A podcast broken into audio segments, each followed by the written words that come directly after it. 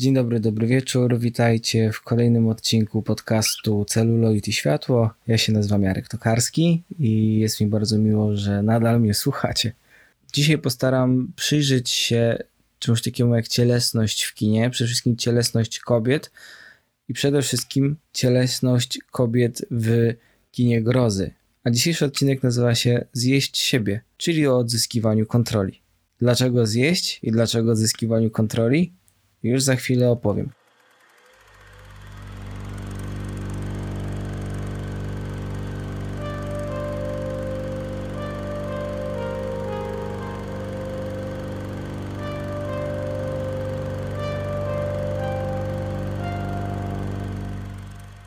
Samym początku chciałbym też bardzo podziękować Kasie Gasińskiej. Kasia stworzyła wspaniałą oprawę graficzną, która będzie nam teraz towarzyszyła na każdej aplikacji i w każdym miejscu, gdzie słuchacie. A jedną z nowych aplikacji, gdzie możecie mnie posłuchać, jest od teraz aplikacja Empik Go i w związku z tym mam też kilka kodów e, do rozdania na miesiąc korzystania z całej biblioteki Empik Go, więc nie tylko z podcastów, ale również z audiobooków dostępnych na tej aplikacji. Pomyślałem sobie, że zrobię taki mały konkurs, dlatego kody rozdam osobom, które udostępnią swój ulubiony odcinek, oznaczą celuloid i światło i dorzucą do tego hashtag celuloidowo. Ja potem te udostępnienia zbiorę i wylosuję kilka kodów. Mam nadzieję, że to jest dobry deal.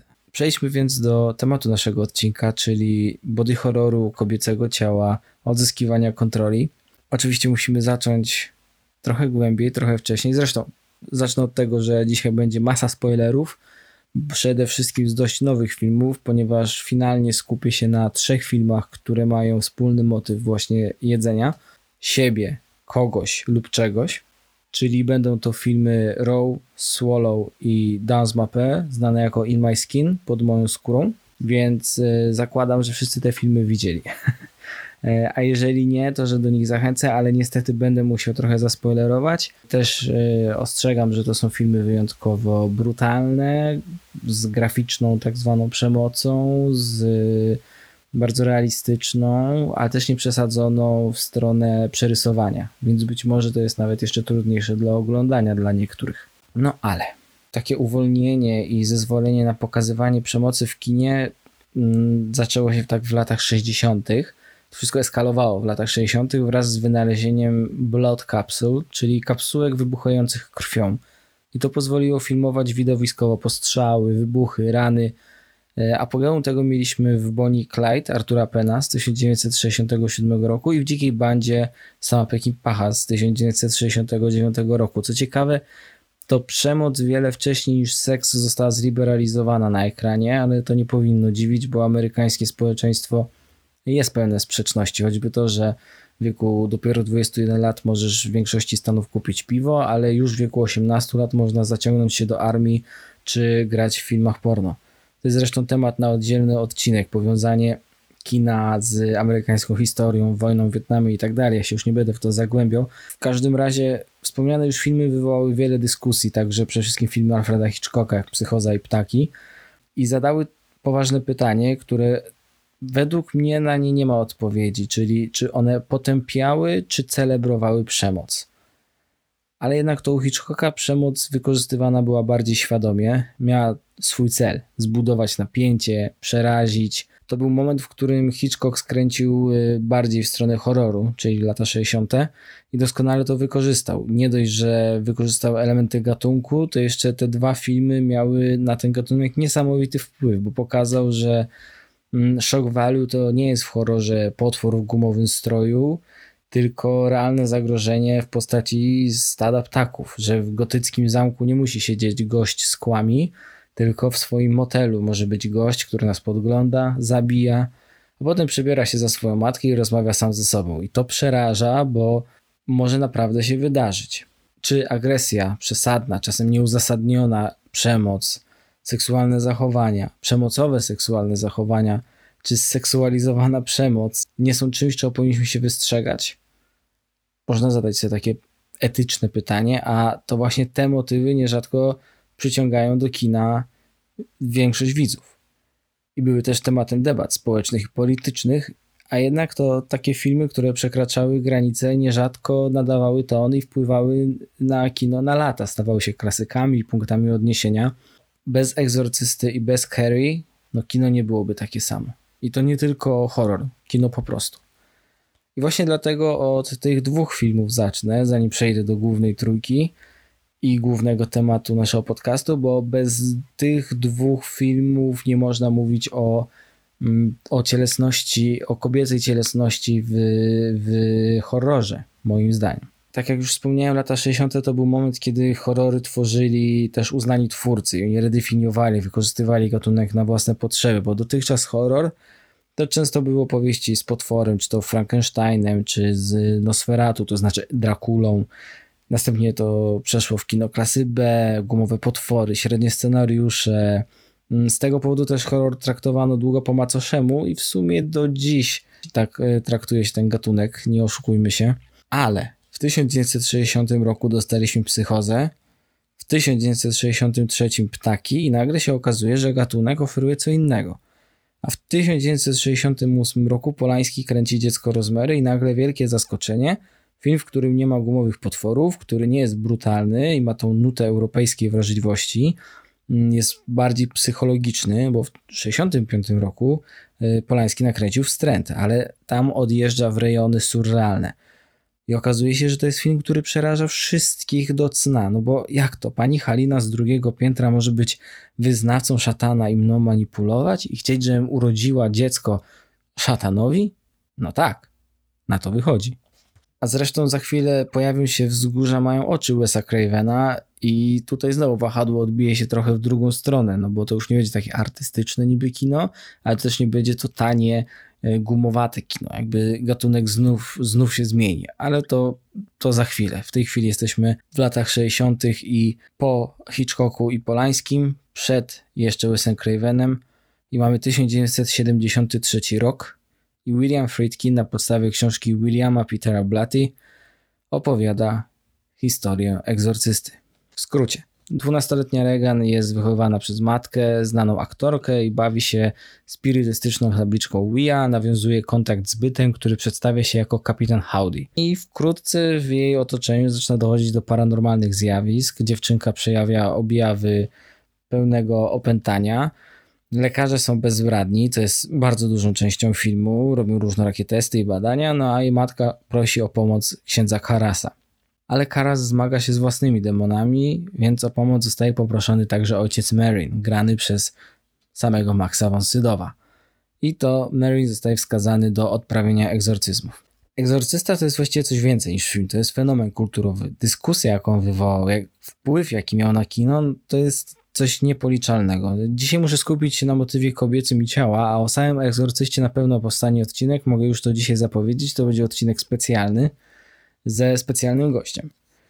Mm, zakładam, że film każdy zna, widział albo nawet zna obrazki z niego, więc y, przejdę od razu do tego, co nas interesuje. A więc, kogo szatan wybiera na opętanie? Wybiera 12-letnią dziewczynkę, mimo, mimo że książka jest inspirowana rzekomym opętaniem chłopca, no ale to jest kluczowa zmiana.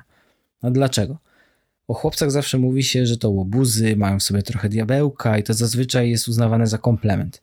Ale dziewczynki no dziewczynki to zawsze aniołki. Więc kiedy diabeł jest w dziewczynce, to jest skrajne zło. Opętanie to jest najgorsza opcja. Ciało dziewczynki, które się zmienia, jest całe w cieczach, krwi, żyga, te przerzucone oczy, okropny głos, jest całe w bliznach. Na dodatek w ciele dziewczynki, która jest chwilę przed dojrzewaniem i to jest bardzo ważna, ważna rzecz, bo to jest sam moment przejścia z dziecka w dojrzewającą kobietę. I on tak przeraża, szczególnie w figurze religijnej, no to ciało jest po prostu splugawione zmianami, wydzielinami, krwawieniami. I reakcja ciała Regan na opętanie jest reakcją ciała targanego zmianami, przejścia z bycia dzieckiem w bycie dorosłym. I od tego momentu wszystko się zmienia. I jednym z najbardziej widocznych i najstraszniejszych motywów opętania Regan w Egzorcyście jest seksualizacja jej dziecięcego ciała. Demon w jej imieniu wykrzykuje zachęty do seksu z nią, masturbuje się, okalecza, szczególnie w tej najdrastyczniejszej scenie z krucyfiksem, która notabene y, według kiniarzy doprowadzała do omdleń, wymiotów na sali, krzyków, przede wszystkim mężczyzn. gdzie po, gdzie po okaleczeniu Regan łapie jeszcze matkę za głowę i kieruje ją między swoje nogi. E, I co ciekawe, w roku premiery ta scena była odbierana jako okaleczanie się krucyfiksem, a nie tak jak teraz po latach przytacza się to jako scenę e, onanizacji tym krucyfiksem. No ale to nie jedyne wykorzystywanie ciała Regan w filmie. Z jednej strony mamy tego demona, który ją przejmuje, opętuje, a z drugiej mamy lekarzy, medyków, którzy jako pierwsi badają jej e, dziwne zachowania, dziwne objawy i zajmują się nią, jakby nie była osobą. Jakby była po prostu jakimś workiem e, na mięso i kości, jakby była królikiem doświadczalnym. I w mozaice scen, która jest większą częścią tego filmu, nawet, i co jest świetną, genialną formą, bo to nie pozwala na podążanie za napięciem, nie dostajemy gotowych odpowiedzi, co chwilę jesteśmy wybijani z rytmu od badania do badania. Zresztą samo pętanie jest tak samo przedstawione od sceny do sceny, bez jakiegoś takiego typowego, y, typo, typowego prowadzenia narracji. No i w tej mozaice scen z szpitali widzimy ciało Regan, które jest przerzucane z badania na badanie, tomograf, jakieś igły, pobierania krwi i to wszystko jest filmowane w detalach, tak jakby w odłączeniu od samej bohaterki, jest jakby bez jej jestestwa, jej, jej osoby. Widz ma poczuć jak lekarza, ma być zainteresowany tylko tym królikiem doświadczalnym, tymi torturami właściwie, jakich y, dopuszczają się medycy. Czy oni tak bardzo różnią się wtedy od tego opętania demonicznego?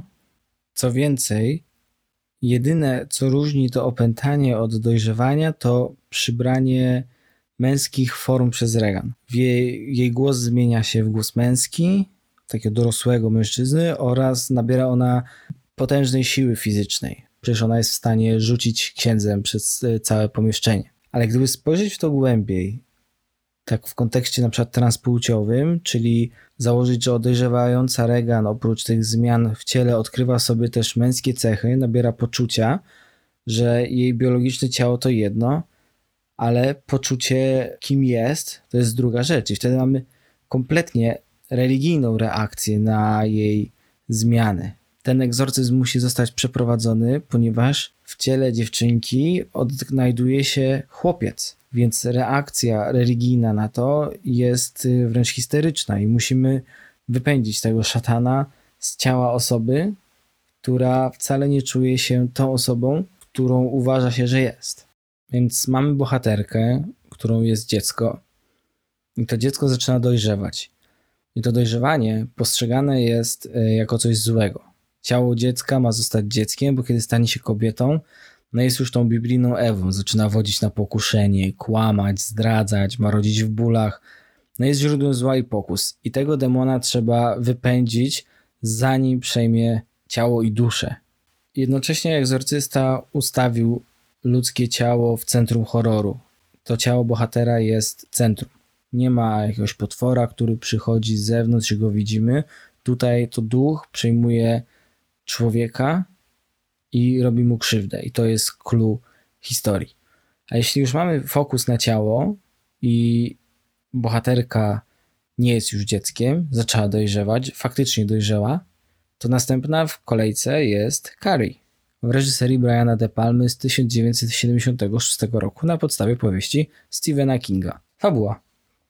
Carrie grana przez cudowną, młodziutką Sissy Spacek zahukaną dziewczyną wychowywaną przez fanatycznie religijną matkę, jest typowym szkolnym brzydactwem i popychadłem, no i okazuje się jednak, że Kerry odkrywa w sobie supermoce, no i korzysta z nich w chwili upokorzenia, zabijając pół swojej szkoły na studniówce, zabijając też matkę, a na sam koniec jeszcze powracając z piechieł. Cała historia zaczyna się w pierwszych scenach, bardzo poetyckiego wstępu, gdzie najpierw oglądamy ujęcia gry w siatkówkę, gdzie Carrie jest pokazana oczywiście jako łamaga, zwyzywana przez y, piękniejszą i sprawniejszą koleżankę i z tej sceny przechodzimy w kolejną, jeszcze bardziej poetycką, nakręconą w slow motion, rozerotyzowaną scenę pokazującą nastolatki przebierające się, biorące prysznic. Cała scena kończy się krwawo, ponieważ nogi Carrie zaczynają pokrywać się krwią bo Carrie zaczyna miesiączkować. Ujęcia są cały czas slow motion, pełne gracji, ale to co oglądamy robi się coraz bardziej dla bohaterki, przede wszystkim potworne, Ona próbuje z siebie zmyć tą krew, ale nie może, wypuszcza z ręki mydło, czyli ostatnią rzecz, która w ogóle pozwoli jej zostać czystą. I zresztą taka trochę zepsuta reklama mydła. Było pięknie, para, mydełko, ciało, prysznic, nagle mydło upuszczone, wszędzie krew. Curry, znowu to zepsułaś. I ponieważ Kerry po raz pierwszy miesiączkuje, myśli, że umiera, wpada w panikę i zostaje przez koleżanki wyśmiana i kolejny raz już upokorzona zostaje obrzucona tamponami. De Palma opowiadał zresztą, że ta scena jest pełna nagich ciał na samym początku filmu, bo służyła mu jako taki wytrych, gdzie zazwyczaj naga główna bohaterka to była taka nagroda dla widza. To się działo gdzieś w okolicach klimaksu, nawet pod koniec drugiego aktu. Tymczasem tutaj De Palma uderza od razu. Od razu daje, macie tutaj wszystkie gołe bohaterki, główną bohaterkę również nago, bo to nie o tym jest film i nie tego widz ma oczekiwać w podążaniu za historią. Menstruacja Harry staje się kluczowa, zaczynają w ogóle definiować, bo po pierwsze staje, Carrie staje się kobietą, a po drugie reakcje otoczenia na to są zupełnie różne, ale nigdy pozytywne. Dla matki to, że w ogóle Carrie istnieje, to jest wynik plugastwa, obrzydliwości i zła w jej fanatyczno-religijnym mniemaniu. Za takie coś uznaje też aktywność seksualną. Dla niej samo istnienie Carrie to ucieleśnienie grzechu więc kiedy Harry staje się kobietą, staje się już grzeszna do cna. Dla matki to jest najgorsza rzecz, jaka może się wydarzyć, chociaż była nieuchronna, no bo nie da się zatrzymać dojrzewania człowieka. Inne reakcje są y, na przykład takie, że Kerry jest kompletnie niezauważana przez mężczyzn, dopóki nie zwrócą na nią uwagi, dopóki im nie zwrócą na nią uwagi inne kobiety. Na przykład dyrektor szkoły zupełnie nie rozumie, y, w czym rzecz, kiedy Kari zostaje właśnie upokorzona pod prysznicem, dopóki wychowawczyni nie wskaże problemu, nie pokaże palcem, co się wydarzyło, sama będąc brudna od krwi Kerry, y, kiedy próbują y, ochronić. Tak samo chłopcy w szkole, oni jej po prostu nie zauważają, oni jej nie, nie prześladują. To prześladują ją koleżanki, bo ta brudna, obrzydliwa Kerry jest solą w oku tych dziewcząt i to one wskazują ją palcem i mówią, patrzcie, ona nie zasłużyła, aby być w ogóle taka jak my. Musicie ją ukarać, chłopcy. No bo ona zajmie się wami i innymi mężczyznami. Atakuje ją przede wszystkim Chris. To jest ta, która w pierwszej scenie krzyczy na Carrie w y, czasie gry w siatkówkę. Chris jest w ogóle wulgarną postacią. Dość ona już dawno uprawia seks, jest taka rozerotyzowana i ona widzi w Carrie potencjalne zagrożenie w tym, że Carrie staje się kobietą i swoje frustracje wylewa bezpośrednio na nią. I w momencie, kiedy to Chris nie może iść na studniówkę, ona postanawia Carrie upokorzyć na tej studniówce. Tam w filmie jest jedna bohaterka, która Carrie dobrze życzy i stara się jej pomagać i w ogóle nawet Carrie idzie z jej chłopakiem bardzo popularnym na studniówkę, bo ona wie, że Carrie nigdy sama z siebie nie osiągnie tego, żeby ktoś mógł ją zaprosić. No i Carrie na tą studniówkę idzie z tym chłopakiem, Mm, no a Chris na tą studniówkę iść nie może, więc postanawia ją upokorzyć i namawia swojego chłopaka, żeby zebrał świńską krew i w momencie sfałszowanych w ogóle wyborów na królową balu wylał tą krew na Kerry. Mamy takie dwie fantastycznie zrealizowane sekwencje. To się przejawia jak geniusz De Palmy. Najpierw oglądamy jak e, chłopak Chris, grany w ogóle przez młodziutkiego e, Johna Travolta, on zabija świnie i robi to w sposób jakby sprawiało mu to no montaż wskazuje na to, że sprawia mu to seksualną przyjemność. Ujęcia i montaż tej sekwencji jak pokazują, jak bardzo on nie kocha Chris. Dla niego to właśnie taki kawał mięsa. Ona jest porównana z tą świnią i widać, że to wyżycie się na świni daje mu nawet większą satysfakcję e, seksualną niż zbliżenie się z Chris. A potem mamy tą scenę oblania Kerry świńską krwią. To jest scena, którą nawet ktoś, kto nie oglądał filmu, na pewno kojarzy obrazek tej Kerry. Dziewczyna w pięknej sukience stoi, cała zalana krwią. I w tej scenie mamy potężny suspens. De Palma dzieli ekran na dwie części. W jednej części widzimy właśnie koronowaną Carrie, a w drugiej wiadro z tą krwią, które zaczyna się coraz bardziej przechylać i w końcu oblewa Carrie od stóp do głów. I ta krew, mimo że jest świńska, to jest tak naprawdę ta krew Carrie z menstruacji. Ta krew, którą zobaczyła po raz pierwszy pod prysznicem. Ta krew, która napędziła tą maszynę upokorzenia i nienawiści wobec Kerry.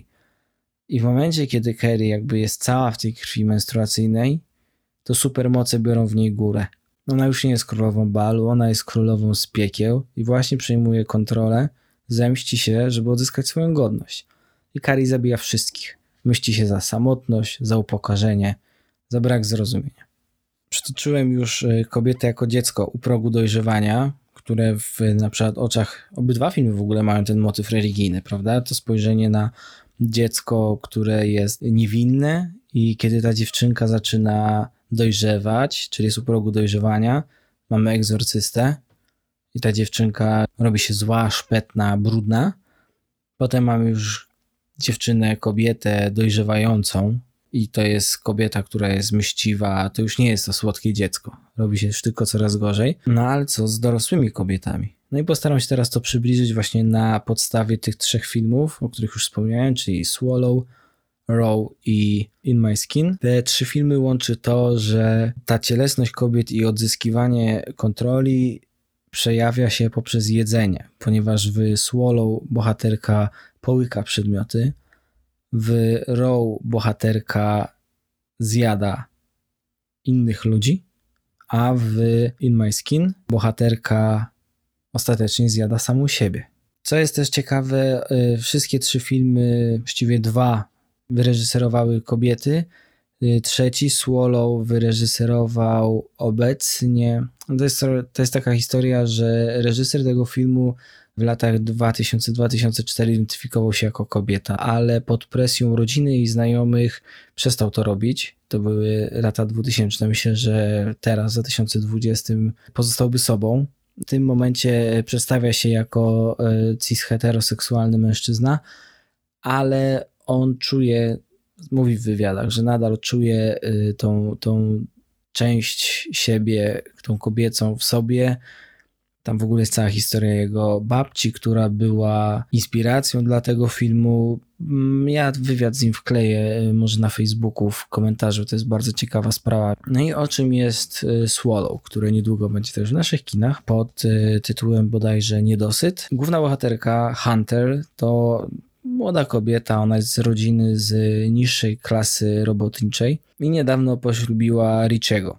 Richie jest e, mężczyzną z zamożnej rodziny, ma przejąć stanowisko dyrektora generalnego z korporacji swojego ojca, której siedziba mieści się na Manhattanie. I to daje Hunter, która chciała być ilustratorką kiedyś, możliwość pozostania w luksusowym domu. Na początku filmu, jak się ogląda ten dom, to się ma wrażenie, się ogląda, nie wiem, odcinek Black Mirror. Wszystko jest takie idealne, futurystyczne wręcz, od linijki, kolory. Ten dom jest niby ciepłym miejscem, ale jest naprawdę bardzo chłodny. Jest nieprzys, nieprzystępny jak dla mnie. Jest taki zbyt idealny. Jest zbyt idealny nawet na katalogi e, home dekorowe. Hunter ma być taką idealną żoną, no bo skoro ma idealny dom i ma idealnego męża, wobec niej jest bardzo dużo oczekiwań.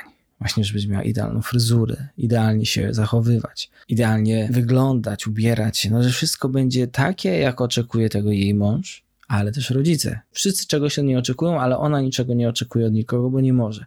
Jest trochę zamknięta w takiej złotej klatce.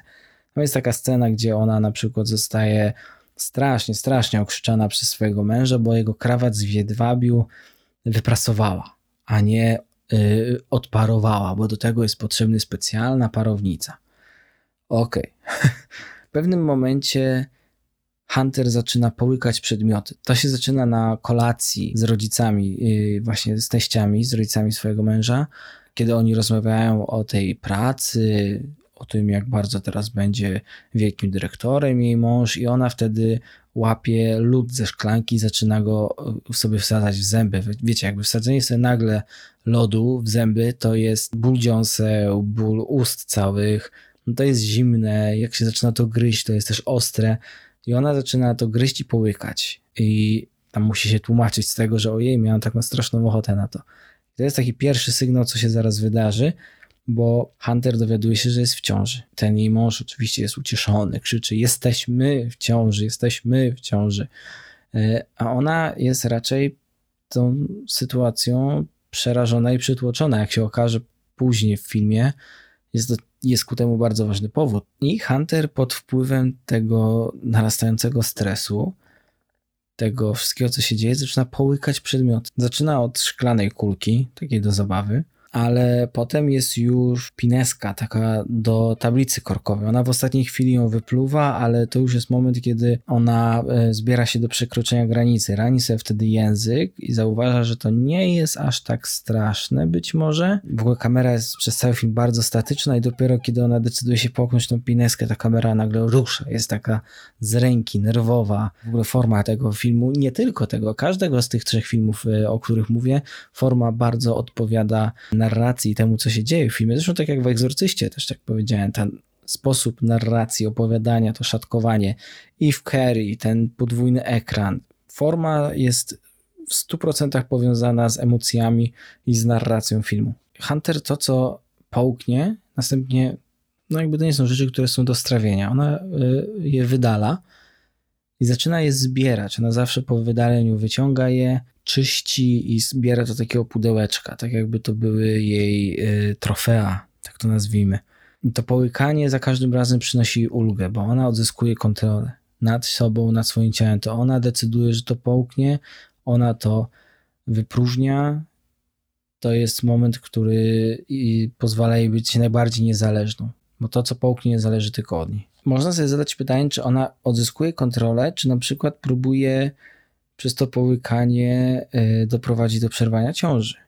Więc nie wiemy do końca też, czy ona chce odzyskać kontrolę, czy nie chce po prostu dziecka. Gdzie z drugiej strony tak naprawdę to, że nie chce dziecka, to też jest odzyskanie kontroli. Jest też taka scena, gdzie pojawiają się mąż y, z kolegami z pracy i oni są tacy natrętni. Jeden z nich stawia ją w takiej dziwnej sytuacji, bo prosi ją o przytulenie, bo jest samotny. Nie wiadomo, jakie ma zamiary. Ona się faktycznie do niej przytula, bo tego potrzebuje. Jak się okazuje, ona też tego bardzo potrzebuje. Hunter się okazuje być w ogóle nieprzytulana przez męża. Zupełnie nieważne są jej potrzeby i w tym nieznajomym odnajduje coś, czego nie miała przez dłuższy czas. Po tej sytuacji ona zaczyna jeszcze bardziej eksperymentować, połyka baterie, strony książek, które czyta y, i ten ołtarzyk tych zjedzonych przedmiotów rośnie. Jest tam nawet figurka szachowa, kłódka, mały posążek. Pamiętajmy, ona jest w ciąży i pewnego dnia w czasie USG zauważają, że w brzuchu jest coś jeszcze.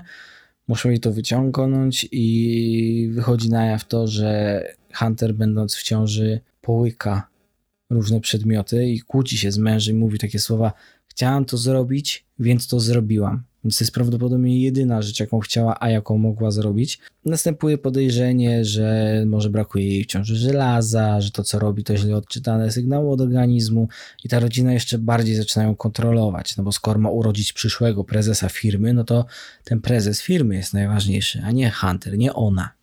Ona staje się inkubatorem dla tej rodziny. Jest traktowana jak rzecz i prywatność nie istnieje. Nawet zostaje zatrudniony ochroniarz, który na każdym kroku ma z nią być. I w jednym momencie Hunter ucieka pod łóżko, żeby się schronić przed tym światem. Ten ochroniarz tam też wchodzi do niej i spędza z nią czas, mówiąc, że tu jest bezpieczna. Zaczyna ją rozumieć, widzi, co się dzieje i pozwala jej też, pomaga jej uciec z tego domu. Hunter ucieka z tego domu, bo okazuje się, że chce odnaleźć swojego ojca i dowiadujemy się, w jaki sposób ona pojawiła się na świecie w czasie terapii wcześniej. To jest potężna rzecz, to jest taki duży spoiler. E, no, ale nie mogę, nie mogę go ominąć. Mm, Hunter została poczęta, kiedy jej matka została zgwałcona przez y, mężczyznę, który włamał się do jej domu. I Hunter zna dane tego mężczyzny, wie kim jest i go odnajduje nosi jego zdjęcie w ogóle wycięte z gazety w portfelu. Matka e, Hunter po tym gwałcie nie usunęła ciąży, no bo była, uwaga, bardzo religijna. I terapeutka Hunter w ogóle sugeruje, że to jest powód odruchów. Że te odruchy, że właśnie Hunter powyka rzeczy, że nie chce dał dziecka, to jest ten powodem, jest to w jaki sposób ona się urodziła jest scena, w której Hunter konfrontuje się z tym mężczyzną. On prowadzi sobie normalne życie, ma żonę, jakieś dzieci w ogóle jakby nic się nie wydarzyło. I on do niej mówi, że przyszłaś zniszczyć mi życie? Jakby człowieku, zniszczyłeś jej życie, jej, jej matki i teraz jeszcze chcesz o tym dalej decydować? Po tym Hunter już totalnie przyjmuje kontrolę nad sobą, decyduje o sobie, zmienia uczesanie, zmienia ubranie, zmienia dietę, bo ona zawsze była tak ładnie karmiona, jadła zdrowe rzeczy, a widzimy ją jak wcina hamburgera w fast foodzie, ma też tabletki, by móc y, dokonać aborcji i właśnie zagryza te tabletki tym hamburgerem. Później w publicznej toalecie wszystko ma swój finał i też zmienia się i ruch kamery, i zmieniają się kolory, bo one wcześniej były takie przesadzenie różowawe, nasycone, a w tych scenach już jest tak szarawo, jest tak normalnie, tak jak wygląda życie na co dzień. I w ostatniej scenie widzimy Hunter, która wychodzi z toalety, ale ta scena trwa jeszcze i trwa, bo do tej toalety wchodzą kolejne kobiety i wychodzą, wchodzą i wychodzą.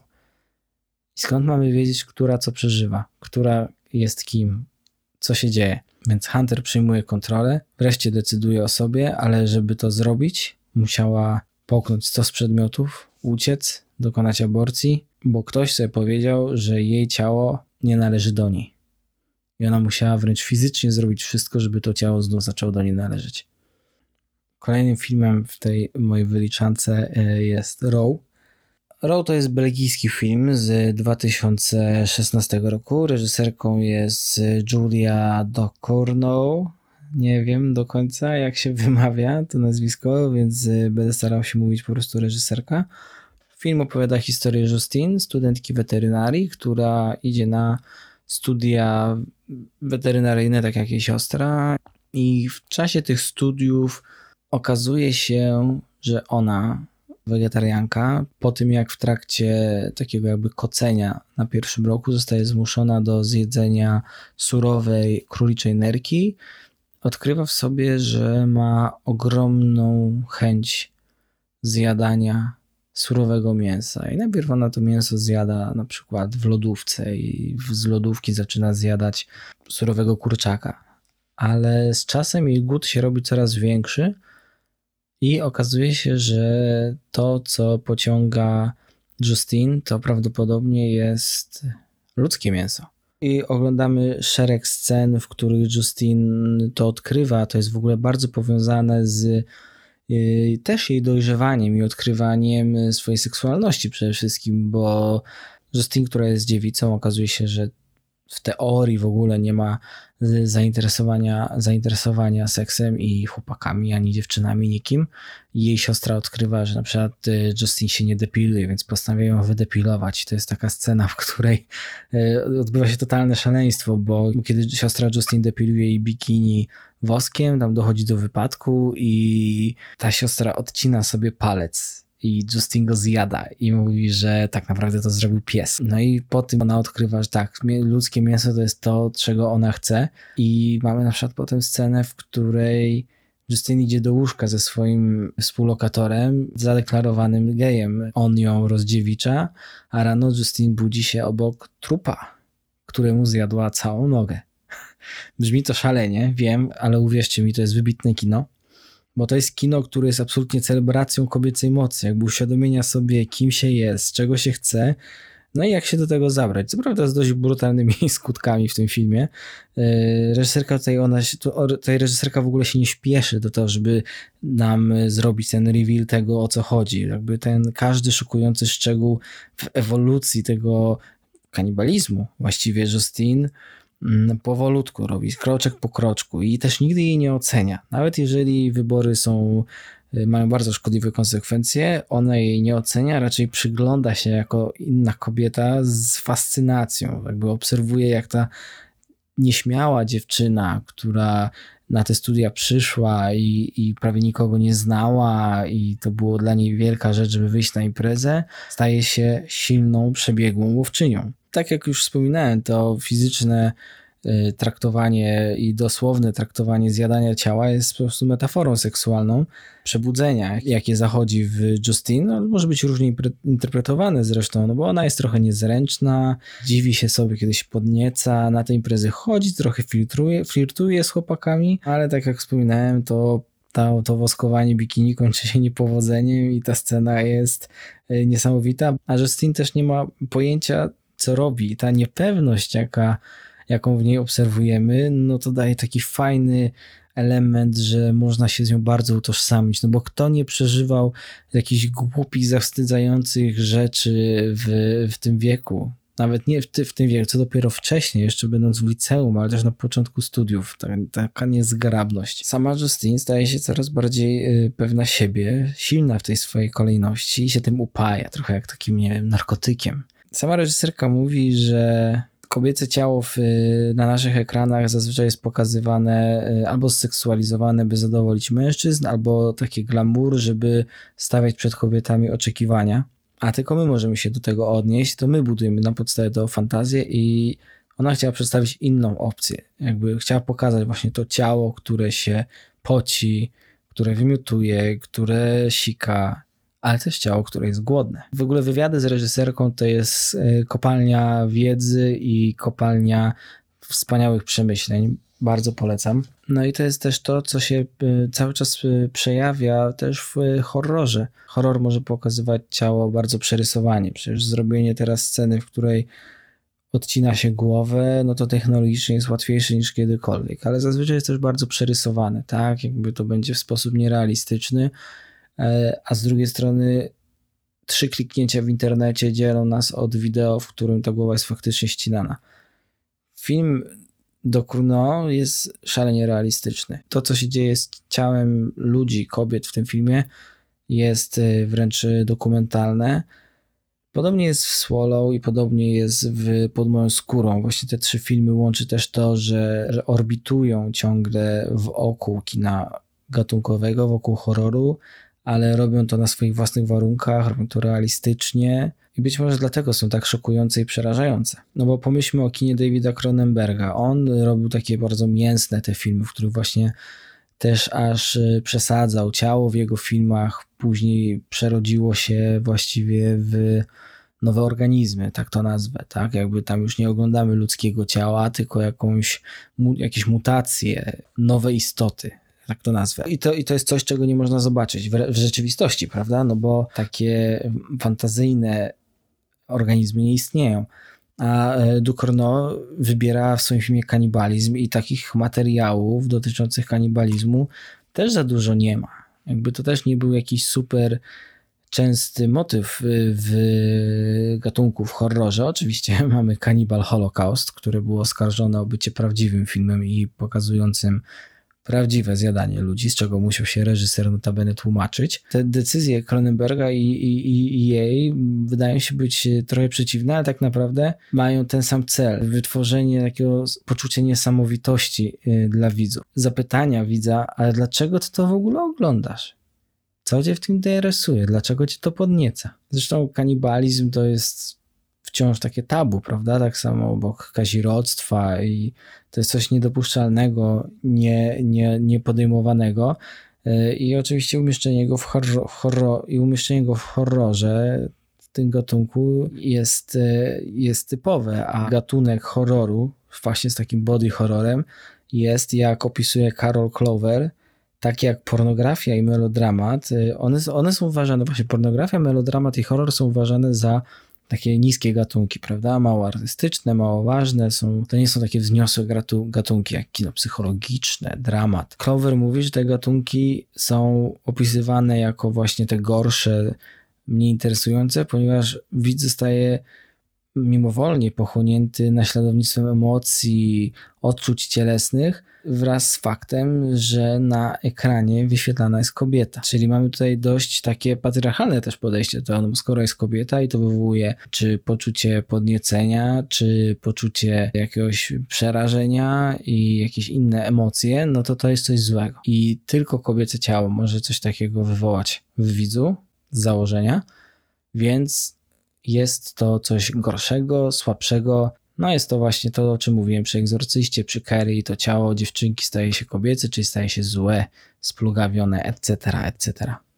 To tak trochę sugeruje, że przyjemność dla widza jest przede wszystkim dla widza zidentyfikowanego jako mężczyzna. I to oscyluje między tym, że właśnie kino ma przede wszystkim zaspokajać męskie, męskie pragnienia filmy, o których dzisiaj opowiadam, właśnie robią wręcz przeciwnie, bo te kobiety przejmują kontrolę. I zarówno w filmie, jak i w powiedzmy prawdziwym życiu, one muszą zostać też ukarane, prawda? Jak widać, że w współczesnych horrorach jest tak, że zazwyczaj ofiara spotyka swojego potwora, często w dość seksualizowanych momentach, albo jak jest w drodze, by odwiedzić swojego chłopaka, albo czeka na niego, są atakowane właśnie kiedy zostają same, same ze swoim chłopakiem, kiedy czekają, aż on przyjdzie i je uratuje na przykład, a to wtedy pojawia się potwór, prawda? To wtedy je atakuje. i zabija najpierw też chłopaka przede wszystkim, a potem dopiero zabiera się za dziewczynę.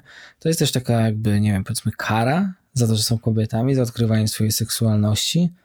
Można odczytać nawet jako taką kastrację bohaterki. To samo jest zresztą w Kerry, tak? I kara za to, że ona zaczyna menstruować jest taka, że ona musi menstruację przejść publicznie, być cała w tej krwi i karą jest też to, że zmienia się w potwora. Tak jak już też wspomniałem, zazwyczaj w horrorze obserwowaliśmy nieludzkie istoty, byli kosmici, wampiry, a teraz oglądamy prawdziwych ludzi. Oglądamy Hunter, która połyka przedmioty, oglądamy Justine, która zaczyna zjadać swoich bliskich. No i to wszystko też łączy figura matki.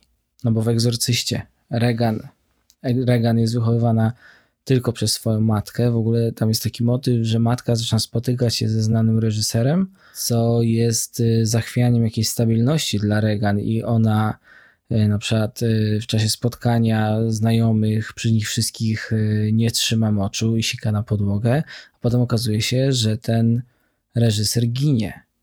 Kto go zabił? Czy przez przypadek, czy może demon, który jest w Regan, czyli ona go nie chciała i on ginie. W Kerry, no to już mamy totalnie świrniętą y, fanatyczkę religijną matkę Kerry, tu nie ma o czym nawet y, dyskutować. Hunter swoją matkę zna, nie utrzymuje z nią dobrych kontaktów. To jest taka scena w Swallow, gdzie ona dzwoni do matki i okazuje się, że nie jest mile widziana, ponieważ właśnie jest wynikiem gwałtu. Więc tutaj jest odrzucenie przez matkę. Ale co z matką w Row? I to jest bardzo ciekawe, bo ta potworność matki w horrorach to jest odbicie tego naszego realnego podejścia do, do matek, prawda? Jakby to jest ten nasz wyraz podziwu i też lęku. No i w horrorze mamy to wyolbrzymione. Te nasze lęki wychodzą na wierzch i to jest jedyne, co mamy. Kiedy Justine staje się już tym potworem, już odkrywa to, że, że jest kanibalem, konfrontuje się ze swoim ojcem, któremu o tym mówi i wtedy okazuje się, że jej matka, która też jest wegetarianką, też jest kanibalem. Od samego początku, odkąd jest z ich ojcem, powoli i nieustannie zjada go kawałek po kawałku. I ten ojciec tłumaczy, że nigdy nie, nigdy nie odrzucił matki, jej tożsamości, pozwolił jej, jej być e, kim, kim, kim chce. Więc tutaj mamy figurę matki, która nie jest osądzona. Jakby mimo, że dokonuje krzywd, to ten film y, nie wyznacza tego, tak jak na przykład matka Carrie, że to jest po prostu chora kobieta, która ginie przez to, w jaki sposób zniszczyła swoją córkę, no bo jednak Carrie jest też nieustannie niszczona, bita, upokarzana przez matkę i dlatego nie może mieć swojego życia. To w Row na sam koniec, właśnie kiedy okazuje się, że matka jest kanibalem. Ojciec rozpina koszulę, pokazuje wszystkie ślady ugryzień, ma tak wydarte blizny przez całą klatkę piersiową i brzuch i mówi, że twoja matka była inna od początku i nie mogliśmy znaleźć na to lekarstwa, a później chyba przyzwyczaiła się do tego, kim jest. Nie martw się, kochanie. Ty też znajdziesz sposób. Więc w Row to odzyskanie siebie, kontroli, to jest pogodzenie się z tym, kim jesteśmy. A że akurat nasza bohaterka jest kanibalem, no to trudno. No. Tak, tak wyszło, taka jest ta metafora. Świetnie pokazuje kolejne stopnie odkrywania swojej seksualności. Ja bardzo ten film polecam. On jest dość brutalny, powiedzmy, no bo wszystko jest w nim bardzo realistyczne, więc jeżeli ktoś nie ma z tym problemu z oglądaniem takich rzeczy, śmiało polecam. To jest piękna metafora.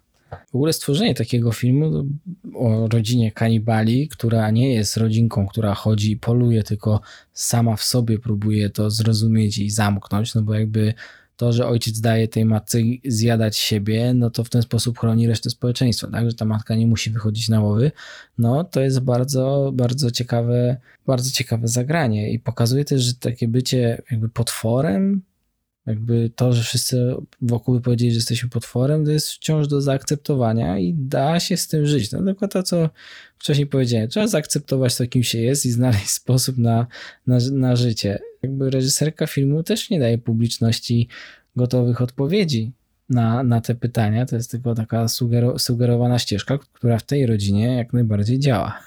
Na koniec tych moich rozważań chciałem powiedzieć o Dans Mapę, czyli Pod moją skórą i ostrzegam, że ten film już jest szalenie drastyczny. Nawet mnie, który Dużo widział, dużo ogląda. Realizm zadawany w tym filmie Ran, on mi wywala skalę. Mm, dlatego proszę słuchać, ale czy do oglądania zachęcam? No chyba tylko najtwardsze jednostki. Bardzo ważne jest to, że ten film wpisuje się w nurt tak zwanego Cinema du Corps, New French Extrema, czyli nowej francuskiej ekstremy. To jest termin ukuty przez y, takiego krytyka Jamesa Quanta mm, i on y, zaliczył do tego nurtu y, transgresyjne filmy francuskich reżyserów przełomu XXI wieku. On do tego nurtu zaliczył m.in. François Ozona, Gaspara Noé, Bruno Dimonta, Claire Denis, mm, Patrice Chéreau ze swoją intymnością, The Pornographer Bertranda Bonello, no i właśnie między innymi też Pole X, Leo Caraxa i pod moją skórą w reżyserii Mariny Devan, o którym zaraz będę opowiadał. Zaliczył też tam między innymi Aleksandra Aża, który w zeszłym roku nakręcił film Crow, który był w moim zresztą top 10 e, roku 2019 ze swoim wspaniałym polskim tytułem Pełzająca śmierć. Quant ukuł ten termin, bo uważał go za pejoratywny, ale większość z tych filmów y, było przez krytyków ocenione y, bardzo pozytywnie, bardzo dobrze. To taka mała anegdota, może trochę hermetyczna, ale na przykład Bruno Dumont został, y, wskazuje się, że on został ukarany za zawiedzenie wszystkich, którzy oczekiwali, że on będzie spadkobiercą Roberta Bressona, został ukarany przez to, że jest wymieniany jako jeden z twórców nowej francuskiej ekstremy, przede wszystkim przez film Flandria z 2006 roku. Ja uważam, że już 29 Palms spokojnie zalicza się do tego nurtu, no ale co ja tam wiem. O Bruno Dimoncie są tacy, którzy wiedzą więcej i lepiej. Przeważnie w tych filmach e, ciało w bólu przede wszystkim było bardzo bezkompromisowo traktowane. Zresztą kształtowało się to jako taki manifest, obejmował też takie beznamiętne fizyczne spotkania, filmowanie prawdziwego seksu, często nie, nie właśnie granego, tylko faktycznego aktu seksualnego, pożądanie fizyczne ucieleśniane przez, te, przez, przez tych aktorów w bardzo e, konkretny sposób, e, bardzo agresywne, pozbawione romansu intymne spotkania, y, zero empatii, relacji społecznych, a jeżeli one są, to one się rozpadają w trakcie tego filmu. I Tim Palmer pisał o tych filmach, że to są właśnie, to jest właśnie kino ciała.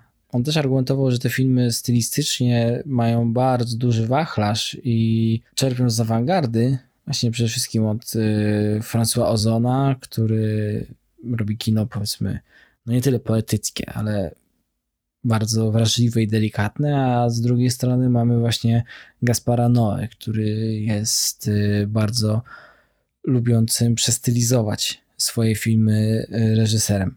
No ale o czym jest pod moją skórą? Otóż pod moją skórą jest historią kobiety, która, jak już pewnie się domyślacie, próbuje odzyskać kontrolę nad swoim życiem, ale robi to przez serię samookaleczeń i ostatecznie przez y, akt y, autokanibalizmu.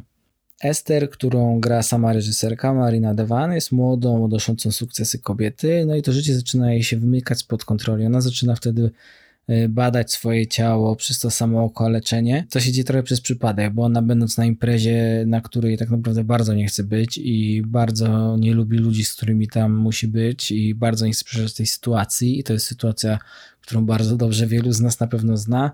Ona wychodzi na chwilę z tej imprezy i przez przypadek w miejscu takiej budowy nadziewa się na taki pręt i rozcina sobie całą nogę, ale nie idzie z tym od razu do lekarza, więc y, to jest trochę babrze, ta blizna robi się taka no, trudna do zagojenia. Marina Devan pokazuje to bardzo, bardzo, bardzo wprost. No ale do rzeczy, bo y, dla Ester te blizny, to każda kolejna rana to jest y, bardzo osobiste w ogóle poszukiwanie.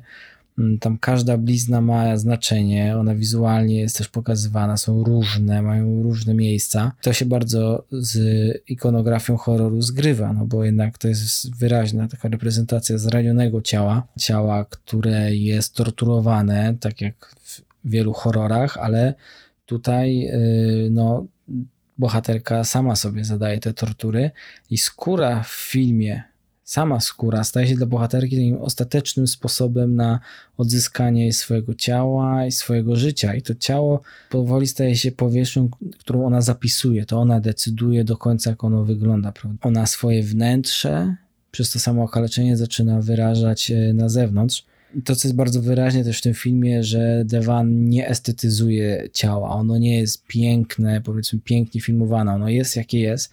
Jest w ogóle taka scena, gdzie Esther naciąga swoją skórę, leży w wannie i naciąga ją, jakby to była powłoka. Jakby to było coś z zewnątrz i to blokowało tą prawdziwą nią. Stąd zresztą tytuł pod moją skórą, bo pod tą skórą, pod tą zewnętrzną podłoką, którą wszyscy widzą, akceptują, też kształtują na swój sposób to tam w środku jest ta prawdziwa Ester. Tam, tam ona jest. No i wracając do tej estetyzacji, to Devan pokazuje w, naprawdę w detalach to zadawanie ran, to też leczenie ran, które wydaje mi się nawet jeszcze bardziej drastyczne. Jest taka scena, w której Ester zdejmuje bandaż i on przez krew, osocze, on się do tej rany przykleił, więc ona ten bandaż zaczyna zdzierać. To jest filmowane w taki sposób, że widz po prostu fizycznie, fizycznie odczuwa to samo co ona i skonfrontowany bezpośrednio z tym obrazkiem, bez kontrplanów na e, Ester, e, to jest bardzo ważne, nie wygładza. Może poczuć, że to jest jego rana. Jakby patrzy na coś, co jest tylko z nim. Jest on, jest tylko widz i tylko ta rana na ekranie. W ogóle montaż tutaj, te rany właściwie nigdy nie są w tym samym planie pokazywane co Ester. Zawsze są w większym zbliżeniu. Są tak jakby odcięte od niej, odcięte od Ester i psychicznie, i fizycznie, bo to jest jej ciało i jednocześnie nie. Ona próbuje je odzyskać, ale to też jest ciało, które jest jakby w posiadaniu widza, on to odbiera. No i to zapowiada taką zmianę, która nastąpi w Ester, bo ona pozwala już sobie niekontrolowanie tym wszystkim impulsom za, zadawać rany. Ona w czasie ważnej kolacji przy stole zaczyna wbijać sobie widelec y, w udo i robi sobie poważną ranę przy wszystkich, a oni to nawet nie zauważają, ale pozwala jej to przetrwać tą kolację, tak jak Hunter w Swallow, która zaczyna połykać ten lód, prawda, żeby tam się odciąć, poczuć się, że ja żyję, ja jestem, jeszcze tutaj mam swoje miejsce na tym świecie, ja mogę tutaj być, istnieję. I to nie chodzi, to nie jest taki krzyk, że patrzcie, zobaczcie, tylko krzyk, hej, mówię sam do siebie, żyj. No i tak jak już wspomniałem, te pierwsze ujęcia, e, kiedy Ester się rani, są bardzo, e, bardzo związane z, z ikonografią e, horroru. Jest taka scena potem, kiedy ona w gabinecie lekarskim pokazuje tą nogę, żeby, żeby no, ją ratować, czyli zaszyć w miejscach, gdzie, gdzie trzeba, i ten lekarz się temu przygląda, jest bardzo zaskoczony, że ona tak późno przyszła, no ale kamera skupia się właśnie na tych ranach, jakby zupełnie medycznie do tego trochę podchodzi. I tutaj film pozwala widzowi, tutaj zaczyna w ogóle w montażu tego filmu i w tym, w jaki sposób są pokazywane, e, pokazywane jest ciało, zaczyna się taka gra, że sam film też jest jakąś tam skórą. Sam film e, staje się też tą, tym, tym ciałem i widz ogląda te obrazki, dostaje co chwilę rany na cały ekran w detalu, bez kontrplanu i zostaje trochę ro rozproszony. Jakby to poczucie percepcji zaczyna być. Yy, no ja powiem tak. Jak ja oglądam ten film i widzę ranę na nodze, to ja tą ranę czuję na swojej nodze. Czuję mrowienie, yy, czuję jakiś ból, czuję niepokój. Jakby zaczynam odbierać ten film zmysłami w ten sposób, taki sposób to jest nakręcone. Jakby nie umiem tego trochę opisać słowami, naprawdę. Zaryzykujcie, obejrzyjcie. Jakby to, co Marina Devan osiąga w tym filmie, to jest coś niebywałego. No i finalnie w takiej kulminacji Esther, kiedy się samo okalecza, y, zamyka się w pokoju hotelowym. Zamyka się w pokoju hotelowym, tam w końcu przecina i zjada kawałek swojej skóry.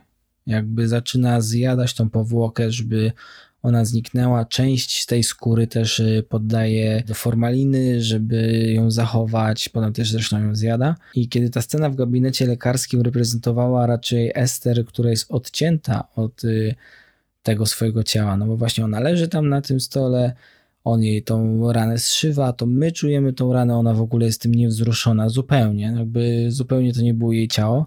Tak, y, tutaj w pokoju hotelowym ona już sama zaczyna przekształcać własne ciało. Przechodzi z takiej formy biernej w formę czynną I wtedy ekran też jest podzielony po raz pierwszy na dwie części, trochę jak w Kerry zresztą. Widzimy na jednej części ekranu jej działania, a na drugiej jakby tego efekty trochę. Jakby tutaj wreszcie ona zaczyna być obok tego ciała, przynajmniej jeszcze nie jest jej, ale już się do niego zbliża. No właśnie przechodzi z tej formy biernej w czynną i ta scena jest takim symbolicznie używa takie zbliżenia znane z kina grozy, bo skupia się głównie na twarzy Ester, krew skapuje na jej twarz. To jest taki jakby znany z, z, horrorów motyw, prawda? Jakby człowiek cały skąpany we krwi, no ale tutaj to ona sama sobie zrobiła. To nie jest tak, że przyszedł potwór i kogoś zranił, ta krew na nią chlapnęła albo zranił ją. To ona sama sobie zdecydowała o tym, że chce w tej krwi być. Ten film można zarzucić, że mógł być krótszy i że to analizowanie tego samookaleczania, to długotrwałe pokazywanie każdego cięcia, skapywania, że to jest taka wręcz pornografia tego samookaleczania. No jakby to nazwać, że to jest bardziej widowisko i to widowisko ma nas wytrącić z takiej równowagi narracyjnej i Elena del Rio zauważyła to w swojej książce The Less and the Cinemas of Performance, że ciało kobiety na ekranie nie zawsze musi być przecież zwykłym uprzedmiotowieniem tej postaci, tak? Przez, przez kino. On powinno być postrzegane jako wykreślanie też przestrzeni wokół niej, tworzenie własnej znaczeniowości.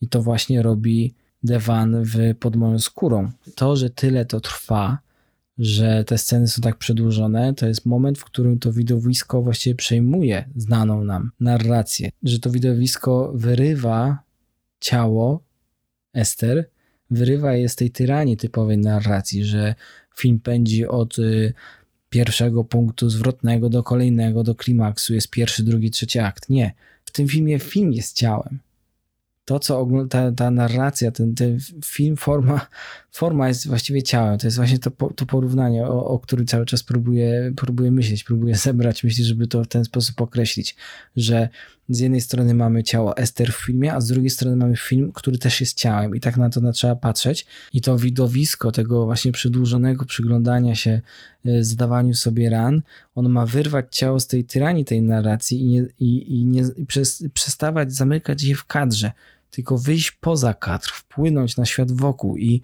jednocześnie przekształcić i ciało Ester w filmie, ale przekształcić też sam film. To nie jest już tylko, to, to, to staje się siłą rzeczywiście aktywną, a siłą, która y, no, formuje i ciało, i materię filmową, i to, co jest wokół niego. Jakby formuje rzeczywistość Ester, ale formuje też naszą rzeczywistość.